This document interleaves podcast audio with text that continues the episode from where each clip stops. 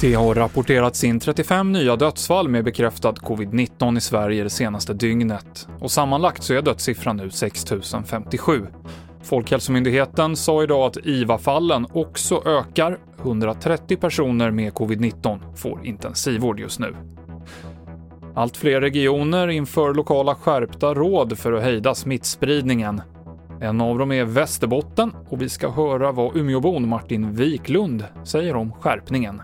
Det är väl inget roligt, eh, men eh, om läget är som det är med ökande smittspridning så då, då är det inte så mycket att göra. Det känns som att med det som har varit i, i andra delar av Sverige så känns det inte helt oväntat att det skulle röra sig hit upp också. Mer om vilka regioner som berörs och om coronaläget i Sverige på tv4.se. Och träningslandskampen i fotboll mellan Danmark och Sverige kommer bli av trots att en dansk spelare testat positivt för covid-19 och ytterligare åtta har isolerats på sina rum. Danmark har idag kallat in sju nya spelare till truppen så man ska få ihop fullt lag. Dessutom saknas båda lagens förbundskaptener som sitter i karantän. TV4-nyheterna med Mikael Klintevall.